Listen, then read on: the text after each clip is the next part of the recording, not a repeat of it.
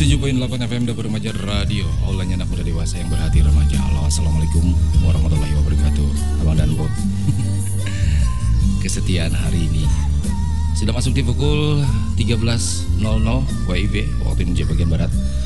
Adiones untuk menemani Abang dan Po semuanya di kesempatan hari ini. Di acaranya Lalapan Lalu lagu pop andalan Anda di hari ini.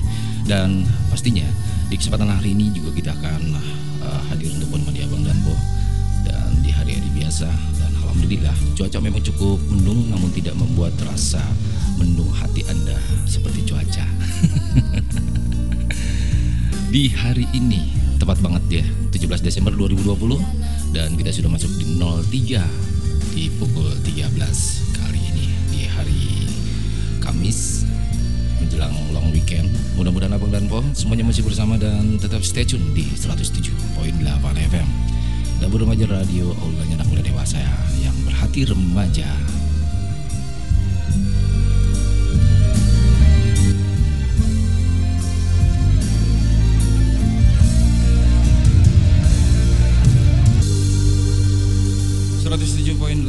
FM Dapur Remaja Radio Aulanya anak muda dewasa yang berhati remaja. Senang sekali rasanya hari ini ya Abang dan Bo Hadir menemani Abang dan Bo semuanya Yang biasanya kita cuma hadir di acaranya off air Ngopi jalan-jalan spesial.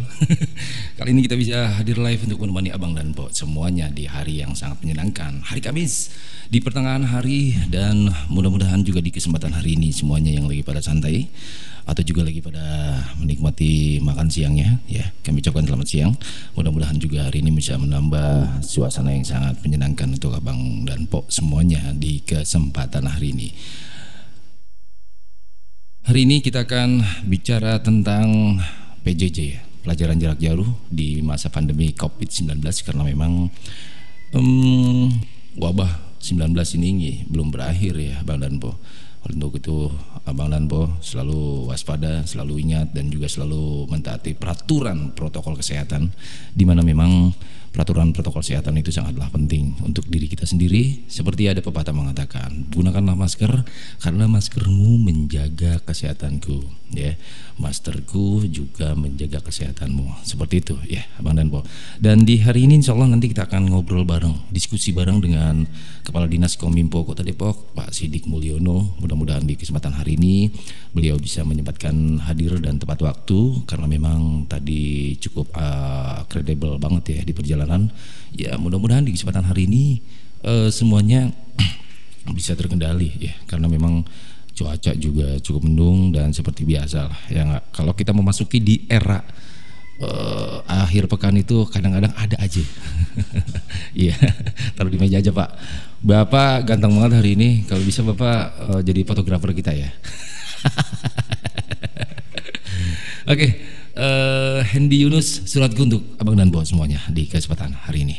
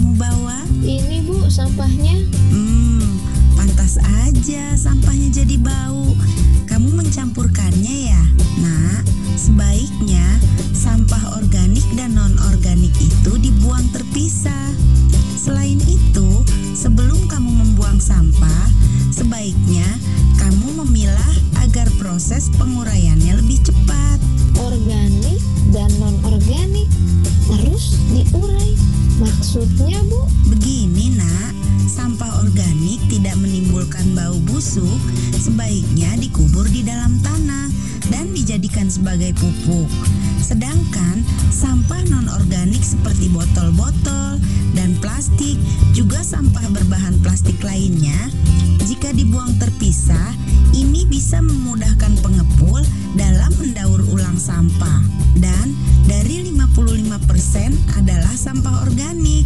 Jika kita memilah dan mengolah sampah organik menjadi kompos, maka jumlah sampah yang ada di tempat pembuangan sampah akan berkurang.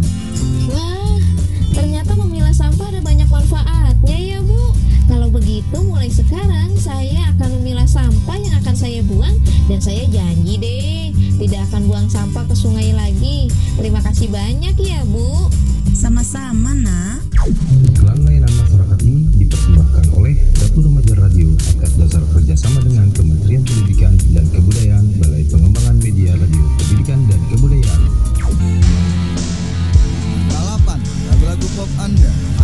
jam 11 sampai 14 siang. Acara ini untuk menemani Anda yang baru pulang sekolah atau yang aktivitas. Tongkrongin terus lalapan siang di radio kesayangan Anda. Real Station Community Our Radio. Kita program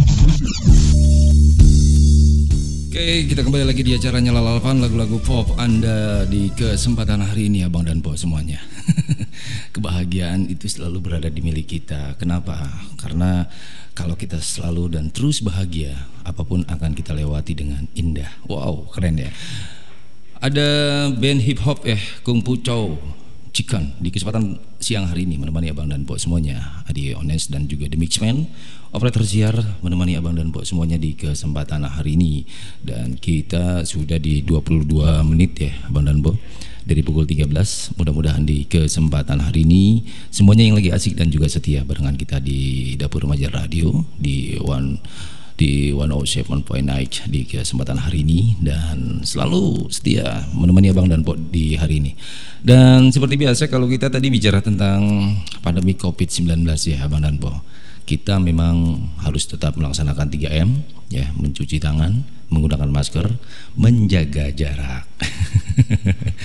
kalau orang kita tuh orang Depok tuh kadang-kadang suka singkat, nggak pakai M, ya ngapain? Jaga jarak, cuci tangan, sama gunakan masker. Enggak udah nggak ada pakai M-nya. Ya dia kadang-kadang udah podo lah. Dan ya itulah yang selalu dilakukan oleh orang-orang Depok.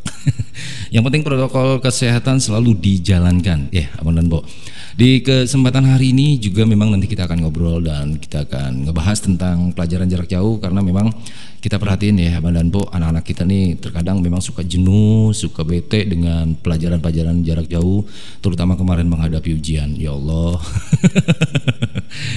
ya sampai kita nyebut ya Allah ya karena memang e, ternyata mental kita selaku orang tua beda dengan mental seorang guru karena orang tua itu kewajibannya hanya mendidik di rumah dia seremonial ya rata-rata pada umumnya dan memberikan contoh secara langsung.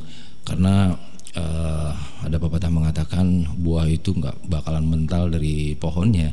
Jadi apa pun yang harus kita lakukan dan yang kita kerjakan baik di rumah atau perilaku kita baik di rumah insya Allah akan diikuti oleh anak. Dan sebaliknya seperti itu. Nah tapi untuk menghadapi pelajaran atau mengajari uh, anak kita seolah kita berubah menjadi seorang guru itu tantangannya sangat luar biasa bang Lanbo kalau kita nggak mempunyai jiwa kesabaran yang tinggi oh ya mungkin Abang dan Bo ngerasain banget ya. Seperti apa kita belajar menjadi seorang guru di rumah yang kita ajarin anak kita. Kita tahu karakter anak kita seperti apa. Ya, ujung-ujungnya A lah, ujung-ujungnya B lah. Nah, terkadang memang kita juga suka emosi. Nah, di mana di situlah tingkat kesabaran dan juga tingkat uh, bagaimana kita belajar untuk uh, menjadi diri uh, sendiri dan juga disiplin dalam menghadapi situasi bahwa memang orang tua itu banyak hal yang harus dihadapin tentunya. Baik, Abang dan Po semuanya di kesempatan hari ini 25 menit lepas dari pukul 13 dan rasanya memang waktu tak terasa. Cepat sekali berlalu. Dan mudah-mudahan aja di kesempatan siang hari ini semuanya lagi stay atau juga yang lagi istirahat makan siang habis bekerja sibuk baik yang ada di kantor kelurahan kecamatan atau juga di pemerintahan hari ini atau juga yang memang sedang beraktivitas di lapangan. Nah, biasanya nih Abang Pok nih suka mampir nih di warung kopi. Halo, apa kabar semuanya yang di warung kopi? Oh, sedap banget ya. Kalau siang-siang gini kita ngopi, ya enggak? Biasanya kalau kita ngopi itu di pagi hari ya. Oh, enggak, maksudnya jadwal jadwal kita tuh di acara ngopi itu di pagi hari. Baik semuanya ya. Ada lagu yang cukup bagus untuk Abang dan Pok semuanya. Kungfu Chicken. Waduh, Kungfu Chicken. CDJ One for the treble, two for the bass. We're rocking the place.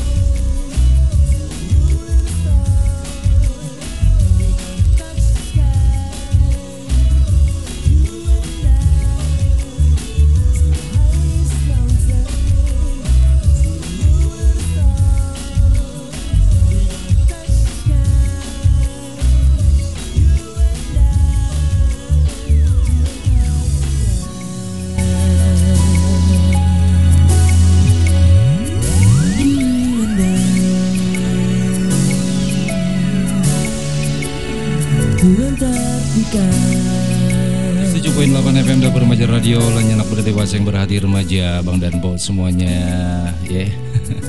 Antartika. Yo man, yo man, yo man. Di kesempatan siang hari ini Honest dan juga operator siar The Mixman selalu hadir untuk menemani abang dan dan po semuanya di acaranya Lalapan. Lagu-lagu pop Anda biasanya memang hadir sampai pukul 14. Namun kali ini kita akan hadir untuk menemani abang po semuanya lewat sampai 14. kita kasih bonus karena memang eh, teman-teman uh, yang kita tunggu di kesempatan hari ini ya memang Uh, seperti biasa tadi uh, Ones bilang uh, perjalanan di Sawangan itu apalagi cuaca cukup mendung ya sehingga banyak sekali warga yang ingin keluar rumah. Ya nggak tahu keluar rumahnya ngapain. Macam-macam aja memang kalau di cuaca kayak gini nih apa cari makanan cari cemilan nih atau hanya sekedar ya menemunuin jalanan. Nah kalau kita bicara tentang pendidikan di rumah ya karena memang di beberapa bulan ini pemerintah atau juga Kementerian Pendidikan uh, menganjurkan untuk belajar di rumah nih. Hal ini biasanya atau juga menjadi pengalaman baru bagi si anak. Ya, kenapa?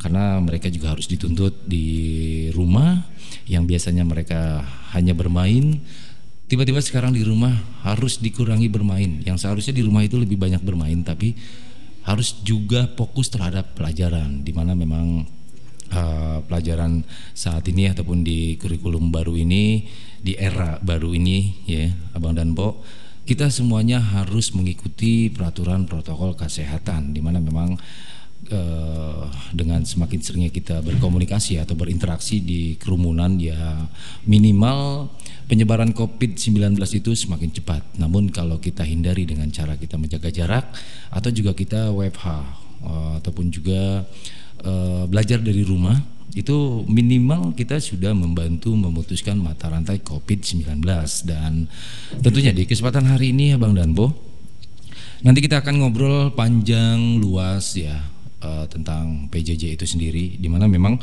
uh, perubahan ataupun kebiasaan dapat membuat uh, anak merasa kaget. Biasanya tadi ya yang kalau kita bilang uh, pulang sekolah terus main ya enggak bertemu dengan temannya meskipun cuma hanya naik sepeda roda tiga tapi mereka sudah enjoy dengan permainannya. Namun hal ini harus dipaksakan untuk tidak bermain roda tiga. Dipaksakan untuk belajar di rumah. Nah kan luar biasa Bang Danpo. Dan tentunya di kesempatan hari ini kita akan terus uh, menemani Abang dan Potnya semuanya sampai uh, akhir nanti. Mudah-mudahan uh, Ones ucapkan selamat siang dan selamat terhibur terus di kesempatan hari ini Thank you.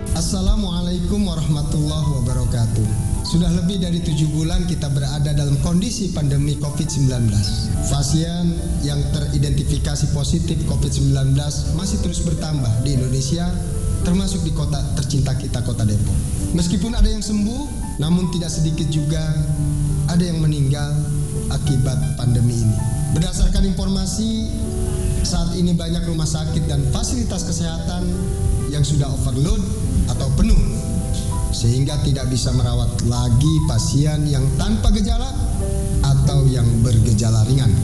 Karena itu, mari kita bersama-sama menjaga kesehatan diri, menjaga kesehatan keluarga dan lingkungan di sekitar kita supaya tidak tertular atau menularkan COVID-19 tersebut. Dengan cara kita biasakan pola hidup bersih dan sehat, kemudian usahakan untuk tetap berada di rumah dan apabila terpaksa harus keluar rumah, maka tetap kita menjalankan protokol kesehatan secara ketat dengan 3M, menggunakan masker, mencuci tangan dan menjaga jarak. Mudah-mudahan dengan ikhtiar kita yang terus-menerus insya Allah pandemi COVID segera berlalu dan Allah Subhanahu wa taala memberikan perlindungan dan kesehatan kepada kita semua. Amin ya rabbal alamin. Wassalamualaikum warahmatullahi wabarakatuh. Iklan layanan masyarakat ini dipersembahkan oleh Dinas Komunikasi dan Informatika Kota Depok yang bekerja sama dengan Forum Kerukunan Umat Beragama Kota Depok, FKUB. 107.8 FM Dapur Remaja Radio Aulanya anak muda dewasa yang berhati remaja. Bang Danpo. Ternyata memang hari ini di siang hari ini Kita sudah masuk di 02 Lepas dari pukul 14 ya Di kesempatan siang hari ini. Bang Danpo semuanya memang tadi apa yang sudah kita bicarakan ya Karena kita memang akan uh, Diskusi Ngobrol bareng dengan Kepala Dinas Diskominfo Kota Depok uh, Bapak Sidik Mulyono dan uh, kebetulan hari ini juga beliau bersama rekan sudah hadir ke studio dan alhamdulillah juga di kesempatan siang hari ini Adiones menemani abang dan buat semuanya. Mudah-mudahan ya di acaranya lalapan di kesempatan hari ini lalapan lagu-lagu pop anda. Karena kita ada ada berbagai macam menu yang kita hadirkan sebenarnya di studio dapur remaja ini. Ada lalapan, paginya kita ngopi, siang sedikit kita punya dangdang, dangdut berdengdang, nah sorenya kita punya nasi, nada siar Islam. nah itu memang. Oke, okay, uh, eh, untuk itu Bang Danpo, saya uh, ajak aja untuk ngobrol di kesempatan pagi uh, siang hari ini menjelang sore ya Bang Danpo. Uh, Assalamualaikum warahmatullahi wabarakatuh. Apa kabar Pak Sidik? Waalaikumsalam warahmatullahi wabarakatuh. Alhamdulillah. Mm -hmm. Uh, gimana uh, uh, di kesempatan siang hari ini nih? Ini kayaknya memang cuaca agak sedikit mendung nih. Iya, tadi berangkat dari kantor. Mm -hmm. Alhamdulillah nggak begitu macet sih. Alhamdulillah memang, ya. Memang mendung sih. Mm -hmm. Iya, tapi tidak semendung hati kita. hati kita tercerah gitu ya. iya. ya. Apalagi di suasana pandemi gini kita harus semangat sebenarnya. Betul betul. Uh. Biar imun tubuh meningkat terus. Betul. Nah meskipun memang kadang-kadang gini. Uh, kalau kita sering-sering berolahraga pasti akan mengeluarkan keringat-keringat gitu iya, kan. Tapi kalau kondisi cuaca dingin kayak gini kan keringat juga males keluar nih. kan bisa ngeluarin keringat di rumah. bisa olahraga ringan lah. Bisa olahraga ringan ya. Nah, tapi kebetulan saya kadang-kadang suka ngeliat postingan Pak Sidik nih luar biasa nih aktif banget nih Pak. Apa karena itu juga bagian dari meningkatkan imun nih Pak? Uh, sekedar memberikan contoh aja kepada hmm. masyarakat. Hmm. Ya, saya sendiri juga bisa dikatakan hmm. uh, terlambat memahami hmm. uh, kesadaran memahami kesehatan sendiri. Oh. Gitu. Nah, memang harus ada pandemi dulu sehingga kita sadar. Jadi ini teguran yang luar biasa Betul. gitu ya. Ini kan ter terobsesi dari hmm. kasus kasus kematian COVID mm-hmm. yang 85% itu kan meninggal mm. karena komorbid ya mm-hmm. penyakit penyerta. Okay. Nah saya ini juga termasuk yang komorbid sebetulnya. Oh. Kalau dihitung dari usia sebenarnya Pak Sidik itu berapa ya? Sekarang saya bulan depan saya 54. Bulan depan. Jadi satu bulan lagi ulang tahun nih. Iya, insya Allah. Allah Allah beri, beri umur panjang. Amin, amin ya. Iya. Oke, eh, Abang Danpo. Nah, ini kita sebelum perkenalan ini kita udah ngela- ngela- apa panjang lebar bicara tentang Covid. Untuk itu, Abang Danpo juga biar lebih eh, kenal nih kita sedang ngobrol dengan siapa. Untuk itu, eh, Pak Sidik memperkenalkan Bapak sebagai apa di pemerintah Kota Depok dan hari ini juga atau ya lebih banyak menangani di bidang apa, terutama seperti itu, Pak. Baik, Assalamualaikum warahmatullahi wabarakatuh, Abang dan Po. warahmatullahi Eh, perkenalkan nama saya Sidik Mulyono, Hmm. selaku Kepala Dinas Kominfo Kota Depok, Hmm. yang selama ini memang eh, bertugas untuk eh, membantu wali kota di bidang Hmm. eh, informasi dan komunikasi, sekaligus juga terkait masalah eh, teknologi informatika. Hmm, hmm. Nah, kalau terkait dengan pandemi ini juga ada terkaitannya juga nggak sih, Pak?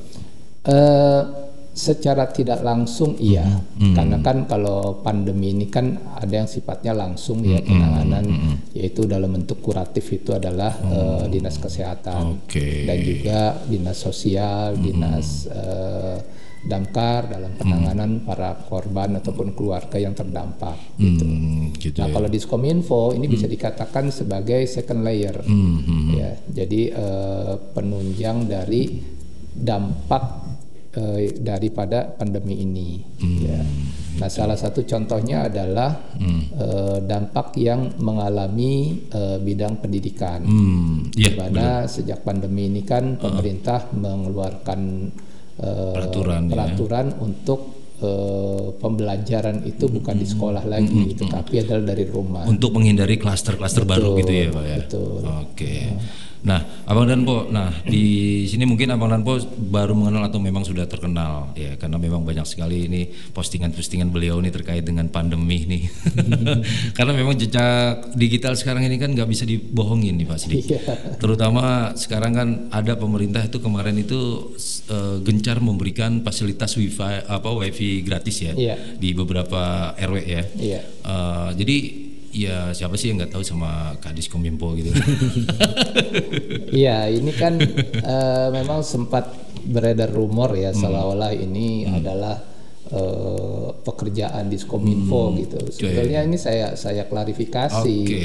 Jadi apa pun yang dilakukan oleh Diskominfo itu harus memang sesuai dengan visi dan misi eh, Kota Depok Oke. yang ditetapkan oleh wali kota. Iya. Ya, di dalam hal ini eh, misi yang diemban oleh Diskominfo adalah meningkatkan kualitas pelayanan publik, ya kan? Nah, ini kan kita menyediakan WiFi ini kan adalah untuk pelayanan publik. Pelayanan publik ya. Gitu. Oke. Nah, ya walaupun yang selama ini juga kita sudah secara secara rutin memasang WiFi, tapi tujuannya adalah untuk eh, bukan PJJ Oh. yang bukan di sebelum masa pandemi. Oh, sebelum masa pandemi Iya, ya. itu ada yang kita sebut sebagai WiFi Depok Bersahabat. Oke. Ya, yang sudah terpasang di sekitar eh, 99 titik, lah, Titik ya. hampir 100 itu. Itu di fasilitas pemerintahan atau di Oh enggak, itu di luar fasilitas pemerintahan. Jadi di luar dari eh, perangkat daerah ya,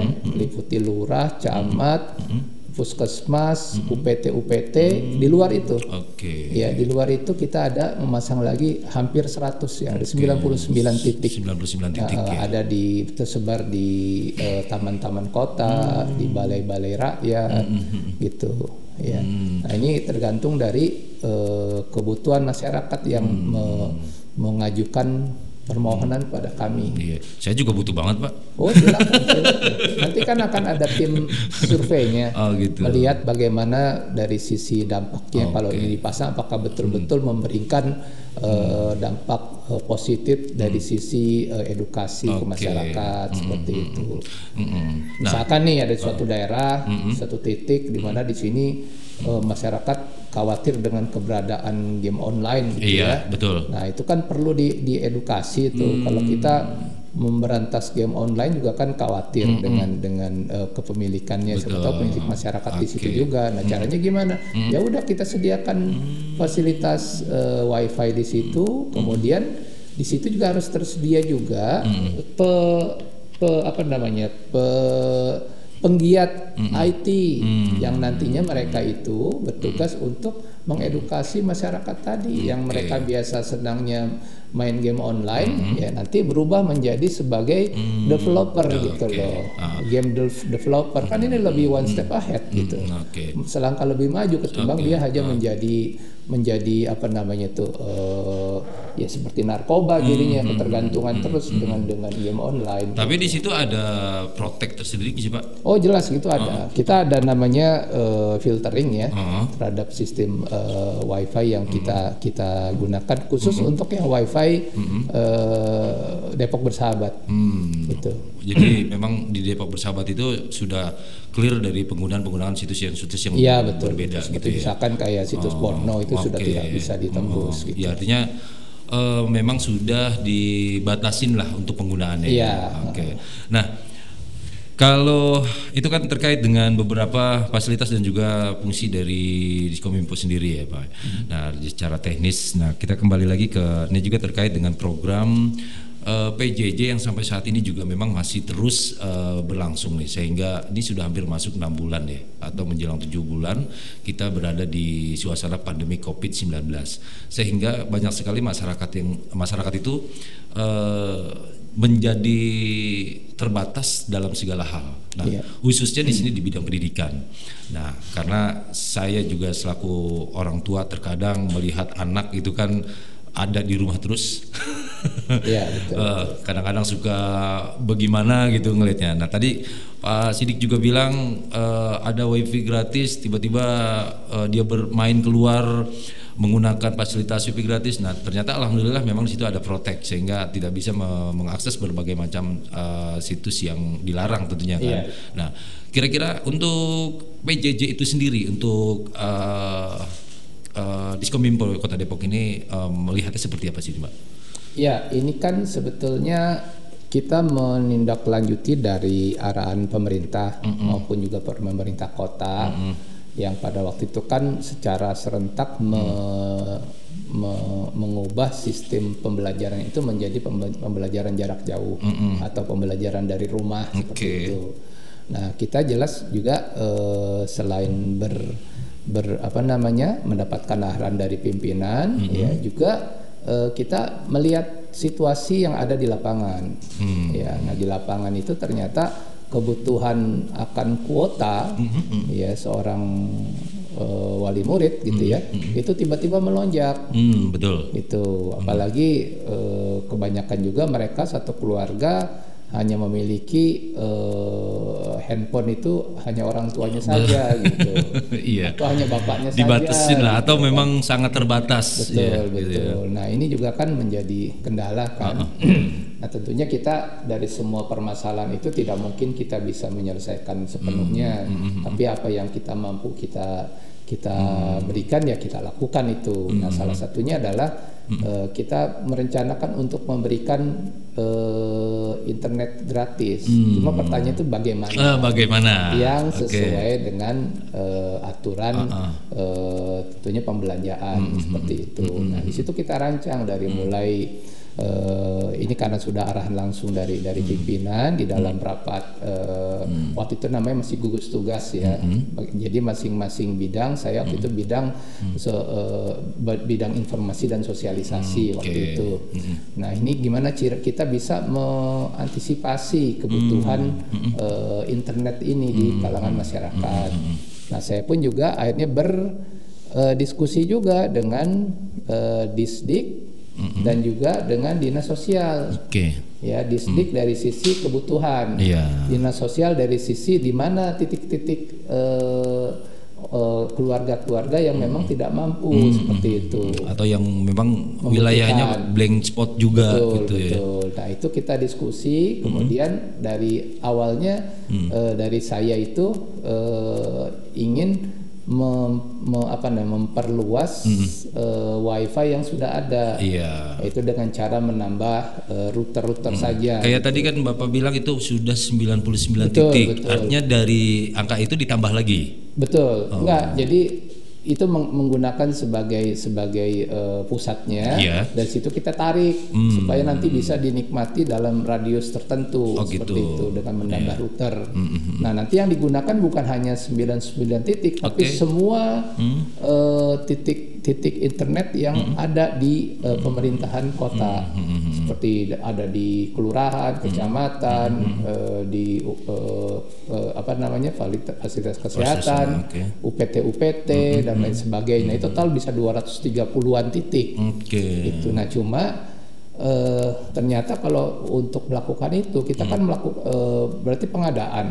Pengadaan barang-barang yang kecil-kecil seperti itu. Dan ini riskan untuk apa namanya itu bisa dibilang eh, inventarisasinya gitu loh mungkin baru sehari dua hari ntar hilang gitu kan bahaya Jangankan yang kecil, yang besar aja cepet hilangnya. betul. Nah itu satu akhirnya kita dengan pertimbangan hal seperti itu nggak jadi. Oh gitu. Kemudian berikutnya adalah ada ide berikutnya adalah menggunakan Hmm. eh, ini men- menggunakan menara monopol Hmm. yang Iya. kita pasang di 230 titik itu ya. Eh, Jadi dengan- menggunakan radio gitu ya. Betul dengan menggunakan eh, gelombang gelombang radio itu ya. Jadi dari situ kita perkuat eh, yang diharapkan mendapatkan eh, eh, radiusnya itu sekitar 500 meter. Mm-mm. Gitu. Jadi di titik itu misalkan kecamatan nih ada kantor kecamatan udah kita pasang itu radiusnya bisa 300 eh, tiga- eh, 500 meter Mm-mm. Sepanjang 360 derajat. Oke. Nah, itu kita lakukan uji coba. Iya. iya, benar. sudah sudah lakukan uji Kita coba. lakukan uji coba dengan alat walaupun hanya menggunakan 120 derajat atau satu alat Iya. 120 derajat. Nah, ternyata hasilnya kurang memuaskan. Oh. Kenapa? Karena banyak warga yang tidak bisa menerima langsung dari rumahnya. Hmm, Gitu. ah, karena Tembok. mungkin terbentur tembok pohon Betul, gitu betul, ya. betul. Mungkin Kalau bisa yang dia langsung, mereka langsung bisa gitu. Bagus nih Pak gitu. Baik masuk ke dalam rumah. Oh, hilang, hilang gitu ya. Masa warga mau belajar harus keluar atau gitu. atau mungkin kurang ti, kurang gede kali Pak bandwidthnya kali, meg giganya kali. Ya, itu juga namanya kan kayak uji coba kan. Nah, uji coba itu akhirnya kita kesimpulannya tidak layak. Oke. Nah, kemudian barulah keluar opsi yang ketiga yaitu Oke. apa dengan memasang eh, hotspot eh, apa namanya indoor di masing-masing RW. Oke. Karena RW di Depok ada sekitar 900 sekian lah. Ya 920 berapa gitu. Nah, itu eh, dengan dengan asumsi satu RW itu dua titik. Dua titik ya. Betul, walaupun memang ini belum secara 100%, 100% ya berjalan. tapi minimal inilah yang mampu kita lakukan Oke. dari sisi upaya maupun juga ketersediaan anggaran Ketersediaan yang anggaran ada. ada. Oke Pak. Nah kalau itu kan lebih ke teknis ke bagaimana kita bisa memanfaatkan fasilitas eh, pembelajaran jarak jauh ya. Iya. Sebenarnya Pak nih eh, secara efektivitasnya sehingga PJJ ini juga diberlakukan oleh pemerintah. Iya. Ya artinya kan juga kalau kita bicara latar belakang karena memang ada sebab dan akibat ya sehingga hal ini terjadi. Eh, Kira-kira memang Pak untuk PJJ ini sebenarnya kalau secara apa ya kalau kita lihat ini untuk di tumbuh kembang anak ini kira-kira dari hasil PJJ ini seperti apa gitu Pak? Ya mungkin Bapak bisa lihat karena memang eh, dari sekian bulan ini juga secara psikologisnya anak ini kadang-kadang suka berubah yang tadinya nggak hobi game sekarang jadi berubah game gitu loh. Karena belajar main, main belajar. Artinya ada yang bilang belajar sambil bermain, ada yang mengatakan gitu. Ya kira-kira apa yang memang eh, ya pemerintah bisa mengambil sikap atau harus mengambil sikap seperti ini gitu. Pak?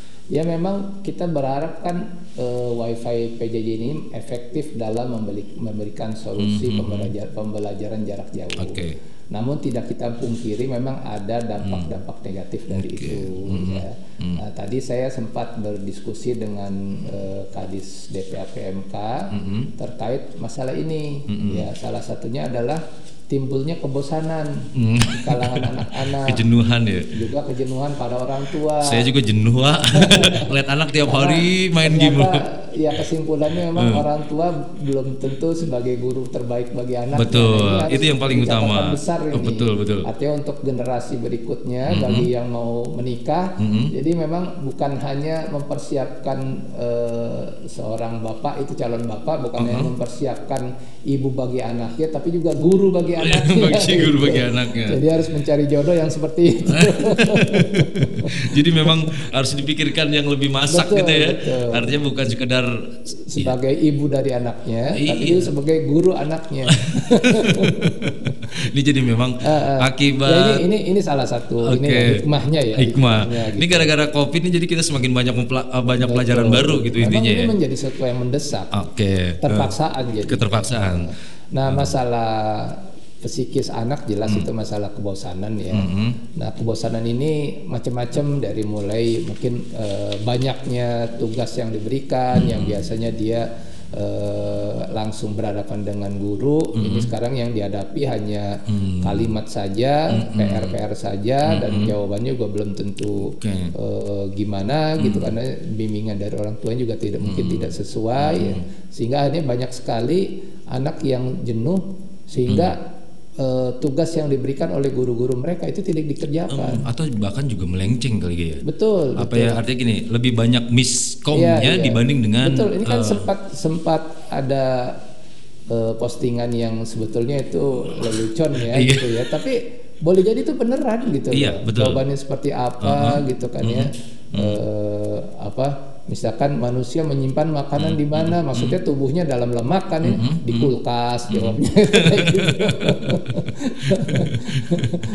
Iya memang banyak sekali pengaruhnya terkait masalah itu ya kan. Nah, nah di sini oke baik abang dan bos semuanya ya di 0895 0825 1237 nanti abang Bo yang barangkali juga mau ikutan ngobrol bareng kita atau nanya langsung terkait dengan masalah jaringan atau tentang wifi PJJ nih eh, ataupun internet nyampe di rumah untuk belajar. Kalau WiFi mungkin banyak yang kurang paham tapi internet deh internet belajar dari rumah deh gitu ya Bang Danpo. Karena memang eh, bicara tentang kuota atau data itu terkadang menjadi kendala buat orang tua juga ada yang berprinsip atau ya ada yang mengatakan punya duit 10.000 ribu itu lebih baik buat beli beras dibanding dengan harus beli kuota tapi bingung anak tetap harus belajar makan juga penting nah ini kadang-kadang juga menjadi sebuah persoalan nih Pak Iya. Nah, kira-kira untuk lebih eh, simpelnya nih Pak nih buat eh, pendengar Abang Pok semua nih kadang-kadang menghadapi kegalauan hal seperti itu. Ya, apakah mungkin ini bukan hanya sekedar eh, hiburan buat mereka tapi eh, menjadi sebuah titik eh, jawaban buat eh, orang tua dan juga siswa khususnya Pak. Eh, terkait juga dengan masalah eh, jaringan itu sendiri karena eh, jaringan atau wifi gratis ini juga memang ad- masih ada yang masih dikeluhkan oleh masyarakat nih pak Iya. Eh, gitu Iya, iya. Eh, mungkin seperti apa pendapat eh, bapak nih atau Ya, ini kan sudah kita sepakati ya. Jadi penyediaan WiFi PJJ ini adalah di di dua titik di masing-masing RW. Gitu. Jadi nanti masyarakat itu bisa bertanya kepada masing-masing ketua RW-nya itu ada di mana saja gitu. oke. Memang ini eh, apa namanya? Punya resiko menjadi pengumpulan massa. Hmm. Cuma kita sudah sampaikan kepada iya. masing-masing ketua RW-nya supaya tetap me- menerapkan protokol kesehatan. Hmm, gitu. prokes itu juga harus Betul, penting ya, Pak? Betul. Oke. Misalkan kalau di satu waktu yang sama ngumpul Hmm. anak SD, SMP, SMA, nah itu harus dibatasi. Hmm, Gitu, tidak langsung brok semuanya ngumpul. ya, awal-awalnya sih memang kayak gitu pak Betul betul. Kita juga kan memberi syarat juga tempatnya itu eh, memenuhi syarat juga cukup luas kayak Oke. gitu. Jadi jangan eh, misalkan nih rumah seorang eh, RW sempit rumahnya tapi dipaksakan dipasang di situ gitu kan. Oke. Nah, ini tidak akan efektif. Baik, eh, Pak Sidik, eh, karena kita memang eh, sudah mengajak pendengar untuk interaktif Interaksi, atau silakan. eh, sama kita di sini ngobrol Iya, iya. mungkin. Nah di sini juga ada penelpon yang sudah ikutan. Kita coba lihat dulu di sini. Halo, assalamualaikum. Waalaikumsalam warahmatullahi wabarakatuh. De, Waalaikumsalam. Dengan siapa ini bang? Di mana bang? Saya Junet bang Mhm. di Limo. Di Limo. Oke bang. Bang Junet. Ini nanyanya sama saya, eh bukannya sama Pak Kadis. Oke Bang, langsung Bang ke Pak Kadis. Eh, sebelumnya makasih eh, selamat siang jelang sore Pak Sidik. Iya. Eh, saya kebetulan dari eh, Karang Taruna.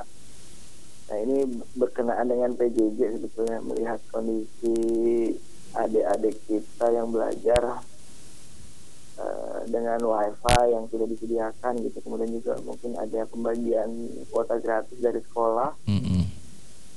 ya nampaknya kalau dari apa ya kalau kita bicara positif negatif pasti ada dua sisi itu kan ya pak Iya betul betul. Mm. ada efek positifnya ya memang pandemi ya gimana lagi kan salah satunya cuma itu Iya iya iya.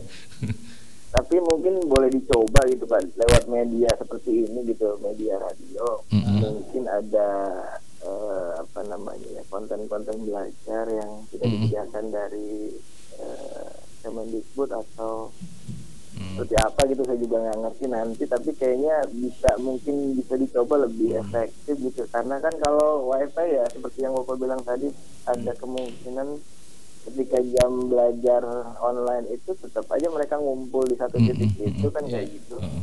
Iya. kalau di radio kan kayak saya ini bisa dengar di mana aja Mm-mm. Kayak mungkin kalau terjangkau ya radio lokal yang ada di Depok ini Iya, kayak iya. gitu aja sih mungkin terima kasih Bang Ones mungkin tanggapannya dari Pak Sidik Iya, iya, makasih nih, Bang sama-sama, Junet Limo Bang nih. Junet, ya. Saya juga belakangan sering ke Limo juga nih.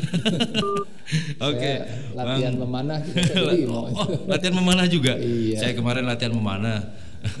Bukannya panahnya yang lompat. Apanya? Oh, busurnya. Busurnya. ya, itu.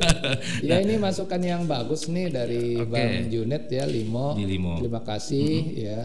Kita juga ada wacana ke sana ya yaitu menggunakan radio-radio komunitas yang ada di Kota Depok ya.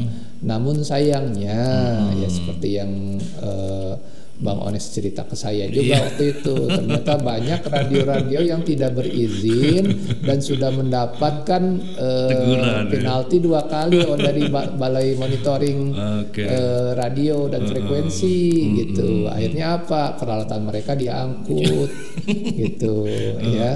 Jadi memang ini eh, kita juga sudah me- menyarankan untuk eh, ada ada dua radio yang ada di Depok ini. Cuma memang eh, cakupan siarnya itu memang tidak seluas eh, radio Nasional, ya. nasional ataupun juga radio eh, profesional lah Oh, gitu komersil, ya. komersil ya. radio Ah, ah. komersil gitu. Tapi ini menjadi pertimbangan kita nanti ke depan Iya, ya karena memang sangat efektif kalau Betul, kita lihat betul, dari secara betul. ininya, secara ininya lebih tepat. gitu Iya, ya. jadi misalkan bisa kita coba eh, satu sekolah gitu ya, yang ada di kawasan yang ada, ra- misalkan nih dapur remaja nih, sekolah apa yang ada di sini gitu kan? Ya udah kita undang gurunya untuk memberikan eh, mata pelajaran lewat radio begini, ya kan itu jauh lebih gratis, ya kan. anak-anak juga bisa mendengarkan eh, kalau toh memang tidak tidak eh, radio, saya pikir jauh lebih murah lah. seperti Dan itu. kalaupun kita memang kalau kita bicara frekuensi, kalau untuk dapur remaja sendiri juga memang sudah menggunakan streaming. Jadi Ya, memang eh, bisa diakses melalui Betul, betul. internet juga Ah, sih sebenarnya. Iya, iya. Gitu. Ya, makanya ini juga eh, termasuk yang kita pertimbangkan Oke. ya, usulan Bang Junet ini. Mudah-mudahan nanti eh, bisa direspon oleh dinas terkait dalam hal ini gitu. Karena kalau Diskominfo kan bukan bicara kontennya ya, Ya. bicara masalah eh, faktor apa namanya eh, infrastruktur Infra- pendukungnya mm, seperti mm, itu. mm, mm. Ya kalau memang radio ya kita bisa kita kerjasamakan seperti itu. Mm, Ya. oke. Mm. Nah, mungkin itu Bang Junet di Limo mudah-mudahan bisa terkobul.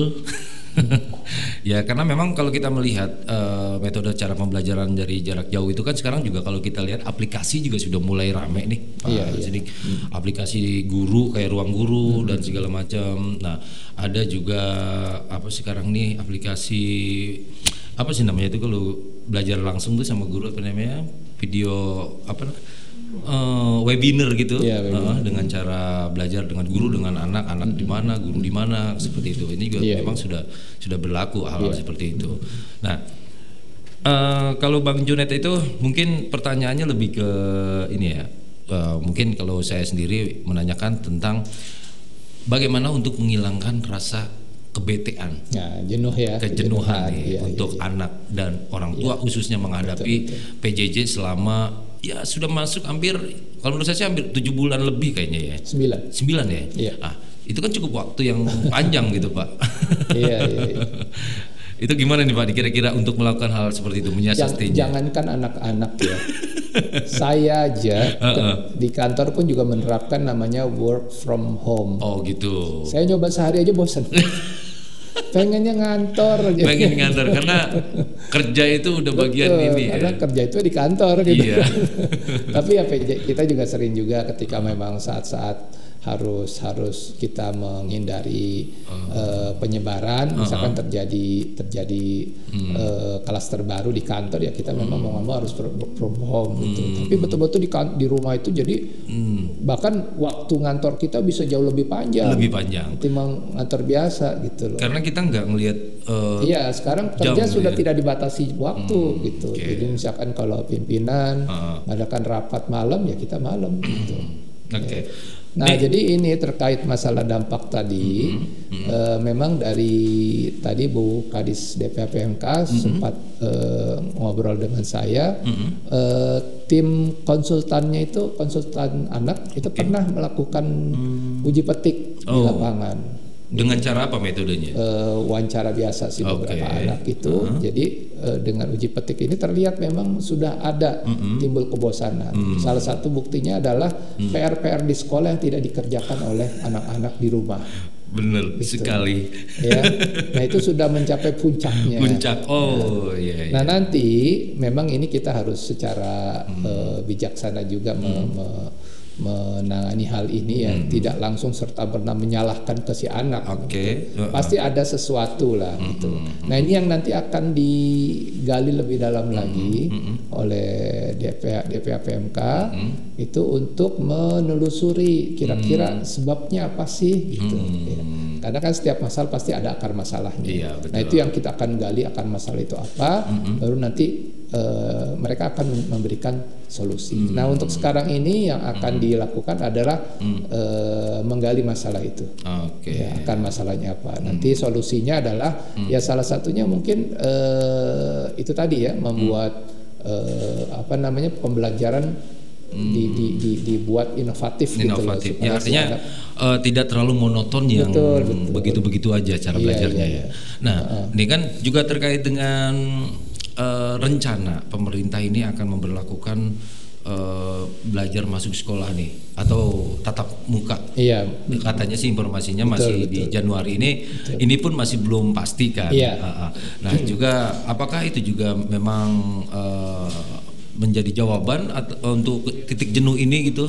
Oh, ya itu kan himbauan dari pemerintah pusat. Iya. Nah, ini kan kembali lagi kan eh, menyesuaikan dengan kondisi di masing-masing daerah. Iya. Nah di Depok juga kan kita tahu sekarang klaster pendidikan juga sudah mulai tumbuh juga. Betul, kayak Nah, di pesantren ya. Betul, pesan- walaupun pesantren ya, nah, itu kan menunjukkan bahwasanya itu adalah klaster pendidikan gitu, secara tidak langsung.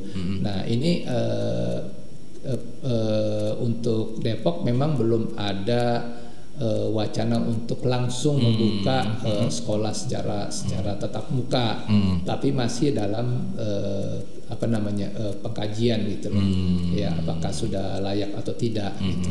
Yang jelas, walaupun pemerintah pusat sudah me- memberikan sinyal-sinyal untuk bisa dibuka ya, tapi ini kami tetap eh, menyediakan wifi PJJ ini sampai eh, tahun depan di bulan Juni. Jadi masih enam bulan ke depan. Masih enam bulan ke depan ini? Betul. untuk fasilitas PJJ apa WiFi PJJ ini. Betul, karena mengingat sekarang kan kajiannya kan belum belum ada hasil ya, Iya. masih dalam kajian. Meskipun memang pemerintah pusat sudah mengatakan Januari ini sudah dimulai untuk tatap langsung Iya, ya. itu kan itu kan artinya bagi Bagi eh, daerah yang memang eh, layak layak ya. bisa- Masuk bisa- zonanya zona hijau atau zona betul. kuning gitu ya, masih kategori seperti itu ya.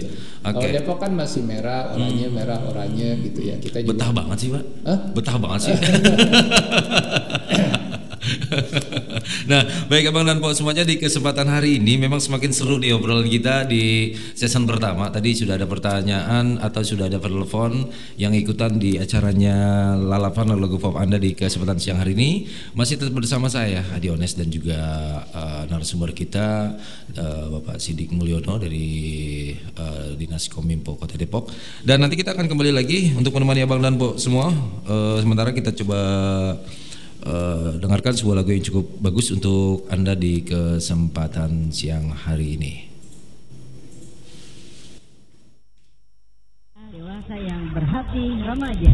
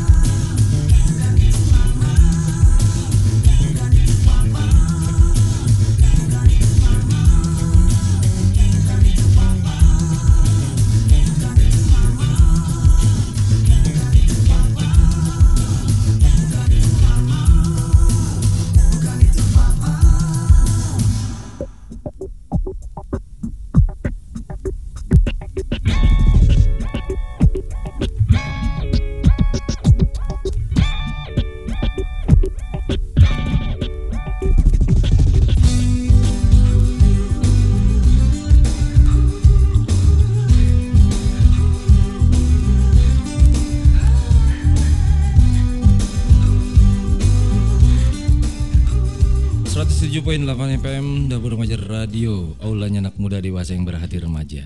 Ya Abang dan Bo. Kita kembali lagi di acaranya Lalvan Lagu-lagu pop Anda. Di kesempatan siang hari ini Ditemani sama Adiones dan juga ada The Mixman Preter Siar Ada produser juga Dan kebetulan hari ini juga ditemani sama narsum kita ya Pak Sidik Mulyono bersama rekan dari Dejiskom Mimpo Abang dan Boy yang barangkali juga baru saja menemukan gelombang kami di 107.8 FM atau juga baru ngebrowsing di www.dapurremaja.net slash radio yang mau ikutan di streaming atau yang sudah download di aplikasinya di Play Store. Tinggal play aja, tinggal dengarkan acara kita atau juga mungkin yang sudah mengaplikasi di TuneIn. Di situ kita bisa dengarkan Dapur Remaja Radio di TuneIn. Jadi Abang Danbo bisa mendengarkan lewat aplikasi tanpa channel ya, ataupun tanpa frekuensi. Di kesempatan siang hari ini tentunya kita kembali lagi di acaranya eh, pelajaran jarak jauh ataupun WiFi PJJ. Dan kebetulan hari ini eh, masih ditemani sama Pak Kadis eh, Pak Kadis Kominfo Pak Sidik Mulyono dan juga rekan-rekan. Dan kita kembali lagi di acaranya hari ini nih. Nih, uh, sekaligus aja saya mau langsung ada pertanyaan di sini nih. Ada pertanyaan yang sudah masuk. Uh, dari mana nih? Dari tadi ya kita sudah lihat antri di sininya. Oke. Okay. Assalamualaikum warahmatullahi wabarakatuh. Siang Pak, gimana? Uh, siang Pak, uh, gimana evaluasi PJJ selama pandemi ini? Hampir satu tahun Depok dengan cap ditemukan COVID pertama di Indonesia. Gimana ke depannya Depok sendiri untuk PJJ anak-anak? Apakah efektif uh, atau bagaimana? Dini, ibu rumah tangga dari Bedahan. Nah, Ibu Dini ini menanyakan apakah efektif atau bagaimana? Karena itu tadi kita adalah salah satu pelopor lah penemu atau ditemukannya pandemi COVID-19 di Indonesia. ya, gimana nih Pak? Masalah efektif ini jelas uh. kan relatif hmm. nilai ya. Hmm. hmm. Sekali lagi uh, Diskominfo ini hanya sebagai uh, support system, Hmm. hmm. gitu, bukan dari sisi kontennya gitu. Hmm. Uh, kalau bicara masalah efektif jelas lebih Hmm. efektif uh, pembelajaran di sekolah. Hmm. Uh, tatap muka seperti itu ya karena tidak merepotkan orang tua tidak eh, perlu ada tidak perlu ada eh, apa namanya tuh kebutuhan internet dan lain sebagainya. Nah ini kita buat seperti ini memang untuk mengeliminasi eh, untuk mengeliminir ya meng- me- me- seminimal mungkin eh, apa pe- pendegradasian kualitas eh, pengajaran itu sendiri gitu.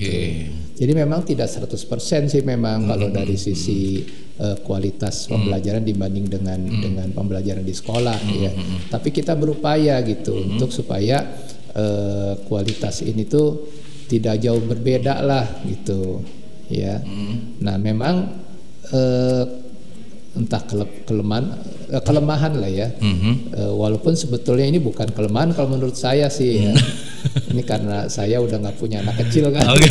saya punya cucu tadinya. Oh, oh, nggak punya anak tapi punya Jadi cucu. sebetulnya pun ketika pembelajaran tatap muka di sekolah pun juga harusnya Hmm. tidak lepas dari eh, perhatian orang tua juga Oke, iya. terhadap apa yang eh, mereka pelajari di sekolah Hmm. gitu kan. Nah mungkin sekarang orang tua ada sebagian orang tua yang kaget Hmm. ketika PJJ ini diberlakukan kok jadi kayaknya orang tanggung jawabnya ke orang tua gitu kan. 100% kayak Betul, gitu. jadi 100%. nah ini kan jadi kayak shock ya Ah, eh, orang tua itu shock gitu menghadapi anaknya apalagi Hmm. punya anak ada keluarga yang punya anak SD SMP SMA Ah, dan iya. kuliah gitu Hmm, Semuanya bagaimana dia harus nanganin? membutuhkan eh, apa daring semuanya Hmm, gitu kan nah mungkin ini sebagai shock culture lah ya Hmm, di di kita ini. Jadi sekali lagi masalah efektivitas Hmm, ini memang kembali ke eh, eh, apa namanya tuh sudut pandang orang oke, tua iya. seperti itu ya. Ya mudah-mudahan sih eh, apa namanya para orang tua menjadi sadar gitu bahwasanya keterlibatan kita selaku orang tua dalam pembelajaran eh, anak itu sangat-sangat Sangat- penting sangat gitu penting, ya. betul. Yang selama ini mungkin kita menyerahkan 100% ke sekolah, Ke sekolah gitu. gitu ya. Ya artinya sekarang kalau kita melihat eh, ada perubahan anak yang kita salahkan sekarang bukan guru ya.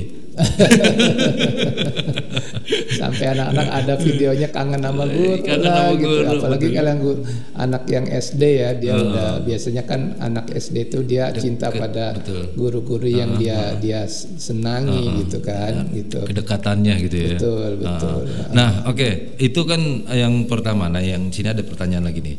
Assalamualaikum warahmatullahi wabarakatuh.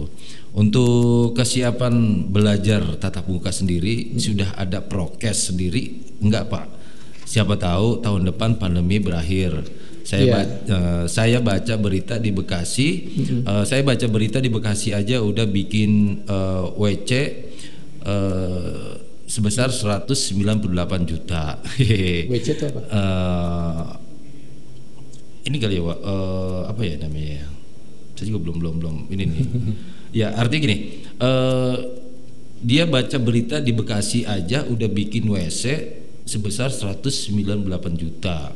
Ya artinya eh, di sini kalau dilihat dari eh, persiapan, artinya kan gini, kalau dilihat dari persiapan ini kan memang pemerintah maksimal, Eh, namun eh, siapa tahu tahun depan pandemi berakhir kan jadi seperti iya, itu. iya. Kita berharap sih segera mungkin ya. Ya, artinya di gini eh, mungkin lebih lebih eh, jelasnya di sini kalau kita lihat pertanyaannya memang di sini saya juga belum begitu paham WC WC itu apa eh, yang dimaksud. Eh, untuk kesiapan belajar tatap muka sendiri sudah ada prokes sendiri Iya. Eh, enggak Pak artinya Oh, persiapan Iya, iya. Tadi kan sudah saya jawab ya di awal. Jadi memang ini dinas terkait itu sedang melakukan kajian. Itu. Jadi nggak serta merta pemerintah pusat menyuruh untuk pembelajaran tatap muka langsung kita buka gitu. Enggak. tapi nggak ada persiapan matang. Betul, ya ini kan dalam kajian. Nanti dari kajian itu kan terlihat seperti apa sih kalau memang ini harus di dilakukan, berarti ada kebutuhan-kebutuhan nanti dari situ gitu. Makanya untuk sementara karena ini masih kajian masih ber- berlangsung, ini WiFi PJJ tetap kita aktifkan sampai bulan Juni. sampai bulan Juni ya. Bukan berarti nanti Juni pasti dibuka enggak juga gitu. Tergantung hasil kajiannya. Hasil kajian ya, betul. kita hanya mengantisipasi saja dari Diskominfo kita menyediakan wifi sampai bulan Juni ya. Kalau nanti ternyata dari hasil kajiannya harus diperpanjang lagi ya kita juga akan memohon kembali nanti ke ke apa namanya badan anggaran ya untuk di, diperpanjang lagi seperti itu. Nah, Ya. untuk yang berikutnya nih Pak nih, kan kalau anak kecil ini metode apa sih untuk untuk di usia-usia anak SD ya? Metode apa sih Pak untuk menghadapi untuk kejenuhan anak di rumah dalam Iya. menghadapi pelajaran jarak jauh ini? Iya, sebetulnya sih memang ini perlu ada inovasi konten ya. Jadi eh, konten-konten mata pelajaran itu memang harus diselingi dengan konten-konten yang menarik. Ya, memang ini eh, harus kerjasamanya dengan eh, konsultan ya, psikologi anak tentunya nih. nah di di di, di Pemkot sendiri itu eh, DPA PMK itu sudah menyediakan eh, namanya itu mobil Simora. Mobil Simora. Iya. Oh. Mobil eh, ya eh, mobil ramah anak lah. Ramah anak ya. Nah, ini nanti rencana mobil ini akan keliling ya ke seluruh pelosok Depok yang nanti ini akan menerima curhatan dari anak-anak itu. Nah nanti juga di situ juga ada psikolognya, psikolog psikologis anak gitu ya. Sekaligus nanti akan memberikan solusi seperti apa gitu. Oke, oke, oke. Ya. Ya artinya memang saat ini mobil keliling itu sudah berjalan ya? Yang si Mora sudah. Simora. Ya. Untuk untuk jumlahnya untuk Jumlahnya baru satu unit. Baru satu unit. Baru satu unit. Ah, oke. Nanti tahun berikutnya tadi juga Bu Kadis bilang itu ada namanya eh, Pick Pick Air, Oh. ya, pusat informasi remaja, eh, konseling. konseling remaja, Konseling remaja. ya, Pick Air. Seperti Oke. itu juga nanti ada mobilnya, karena akan beriringan. Uh, gitu. Artinya kan kalau pick air itu rata-rata di usia SMP SMA ya kan? Iya, remaja. Hmm, remaja kan? Betul, betul. Eh, artinya dengan adanya mobil Pick Air itu sendiri juga menjadi salah satu upaya agar usia remaja itu juga nggak terlalu bete betul gitu betul. ya. Ya jadi kayak mobil curhat lah Mobil. seperti itu. Heeh. Nanti ditambah juga Diskominfo juga punya mobil MCAP. Mobil NCAP. Iya, MCAP itu mobile eh, eh, ka- eh, ke- eh, community access point. Jadi mobil internet. Mobil internet. Eh, itu ada di mobil itu kita bisa akses internet dan disediakan 6 6 eh, terminal komputer yang bisa digunakan eh, oleh masyarakat ya terutama pelajar selama PJJ ini gitu. Dan itu memang bisa kita kita terapkan protokol kesehatan juga di itu situ. dilakukan itu berdasarkan permintaan atau memang eh, pemerintah sendiri mengetahui bahwa di daerah tersebut zonanya adalah zona-zona blank spot atau apa gitu atau sangat dibutuhkan. Selama ini sih wal, eh, dua eh, ininya bisa melalui permintaan dari masyarakat yang selama ini dari sekolah-sekolah ya bisa juga memang inisiatif dari kami Oh gitu. gitu karena kita ini kan memang eh, bisa dikatakan hampir setiap hari Iya. harus harus keliling Harus keliling ya? ini gitu. Heeh. jadi nanti eh, seperti halnya juga waktu selama PSBB ya, PSBB ya maksud PSBB ya pembatasan eh, sosial Sosial berskala berskala besar, besar. ini itu juga mobil MCAP itu kita manfaatkan untuk apa? Untuk memberikan edukasi kepada masyarakat yang tertangkap tidak menggunakan masker. Jadi kalau di di DKI kan orang yang nggak pakai masker suruh masuk ke peti, Peti, ma- betul. mayat ya Peti berapa mayat. menit dia suruh ngerasain kayak orang mati gitu ya. Nah kalau di Depok enggak, dia mereka suruh nonton Seru nonton ya. suruh nonton eh, edukasi bagaimana itu eh, yang tadinya orang nggak ngerti tentang COVID, tidak tahu bah- bahayanya COVID, akhirnya dia jadi paham. Oh, kenapa harus pakai masker? Kayak gitu jadi paham. ya. Jadi paham, Terus ya. kita beri masker dianya. Oke, baik Abang dan Pak semuanya barangkali yang masih ini di season terakhir juga kita nih beberapa menit ke depan masih ada waktu men- beberapa menit. Jadi yang mau ikutan di layanan telepon ataupun di WhatsApp, Abang dan Po bisa ikutan di acara kita ini di 0895 0825 1237 di kesempatan siang hari ini masih ditemani sama Adionas dan juga eh, Kepala Dinas Kominfo Kota Depok ataupun eh, Nah, di sini kita bicara memang terkait dengan WiFi PJJ dan tadi sudah diperjelaskan eh, dari latar belakang dan teknisnya juga sudah dijelaskan. Nah, di sini saya dikasih selembaran nih eh, yang dimaksud dengan DSW itu dengan DSW apakah juga memang eh, ini eh, penting untuk masyarakat eh, Pak Kadis Ya, terkait dengan DSW eh, Depok eh, single window iya. Mhm. Eh, Depok single single window ini adalah maaf. Ini merupakan eh, single dashboard ya atau dashboard tunggal untuk seluruh layanan publik Oh, eh, Kota Depok. Jadi satu pintu hitungannya ya. Betul satu pintu. Ini ada awalnya ada 16 layanan. Nah, sekarang ditambah ada satu nih untuk kebutuhan Covid, Oh, yaitu Kampung Siaga Covid. Oh, kampung siaga Covid. Iya. ya. Jadi eh, Abang Po ini bisa eh, me- memasang aplikasi ini dari Play Store.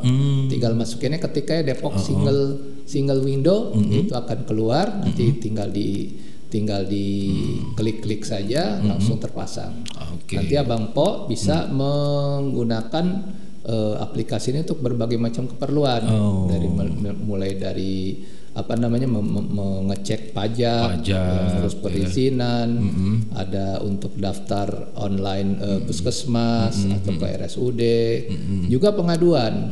Ya pengaduan juga secara real time itu bisa di, dilakukan ya, dengan memfoto kejadian yang yang kita temui di di lapangan. Jadi sampai eh, informasi lowongan kerja pun ada ya. Loker juga ada Oke. gitu ya. Kemudian juga masalah ekonomi harga, harga-harga sembako itu sudah ada di sini. Hmm. Ya. Nah, termasuk juga untuk WiFi. Hmm. WiFi yang Depok bersahabat itu aksesnya menggunakan DSW ini. Oh, gitu. Betul. Jadi di sini ada ada menu WiFi, Iya. kita klik ya. Uh-huh. Kemudian nanti cari misalkan kalau kita belum tahu di daerah sini cari aja pengguna WiFi di mana gitu. Nanti kan kalau kelihat eh, apa namanya tuh eh, ada di mana aja Akses aksesnya ya. Titiknya kalau di Cinangka misalkan di sebelah mana Nih, kayak gitu gini ya. kan langsung ada daftarnya. Oh gitu. Keluar daftarnya yang terdekat mana? gitu. Oh ada di sini. Ya udah kita menuju. untuk Kita akses klik, poin itu bagaimana? tinggal kliknya menuju lokasi nanti langsung Hmm. diarahkan ke lokasi itu. Itu. Nah, nanti sampai di lokasi misalkan ada masjid gitu ya. Hmm. Ya udah kita tinggal eh, kembali ke menu, connect wifi. Oh, ada password, Ada username, nggak password. ada passwordnya, tinggal connect wifi, Heeh. tinggal oke langsung terhubung. Oh, ya ini yang dibentuk salah satu penambahan untuk betul. di kampung Itu- Covid-nya ya. Eh, bukan itu Apa? di luar dari wifi PJJ ya. Kita memang yang rutin ini. Oh, gitu. Jadi di di DSW ini ada.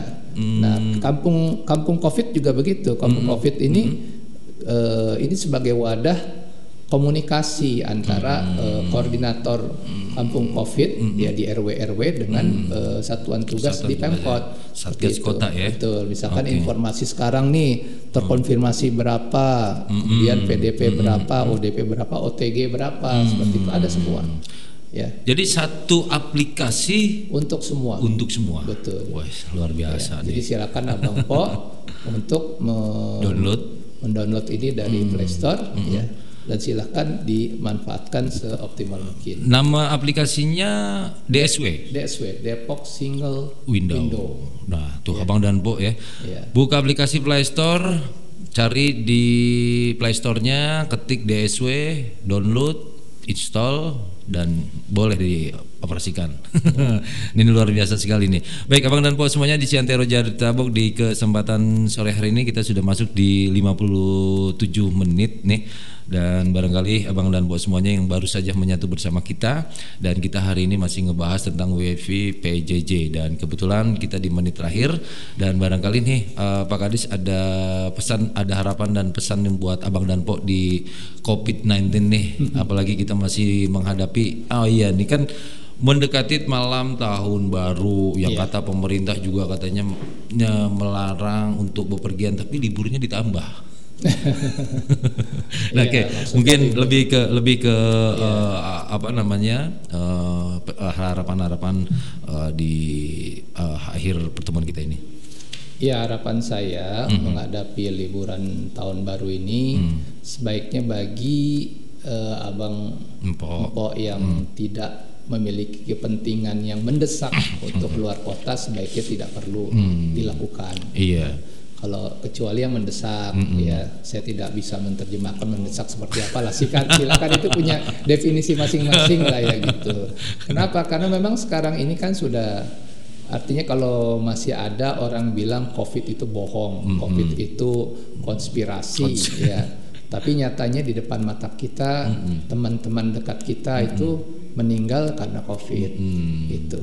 Ya cara penularannya pun seperti apa pun juga kita sebetulnya masih masih sangat sangat eh, eh, menjadi pertanyaan besar.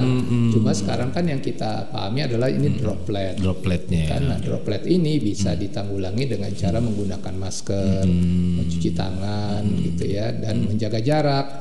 Itu ya, walaupun di luar itu mungkin ada faktor lain kita nggak tahu.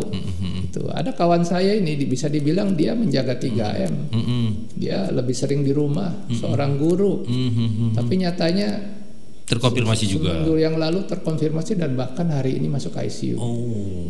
Untuk bilang minzalik gitu saya mendoakan terus mudah-mudahan Mm-hmm. tidak ini dan bukan hanya satu dua orang orang yang saya kenal dekat itu Mm-hmm. yang masuk ICU itu nah kenapa ternyata mereka semua adalah memiliki penyakit penyerta Mm-hmm. Oh ya, artinya penyakit ada bawaan ya. yang satu dia punya punya diabetes mellitus yang satu eh, dia cukup eh, obesitas seperti- nah ini hati-hati.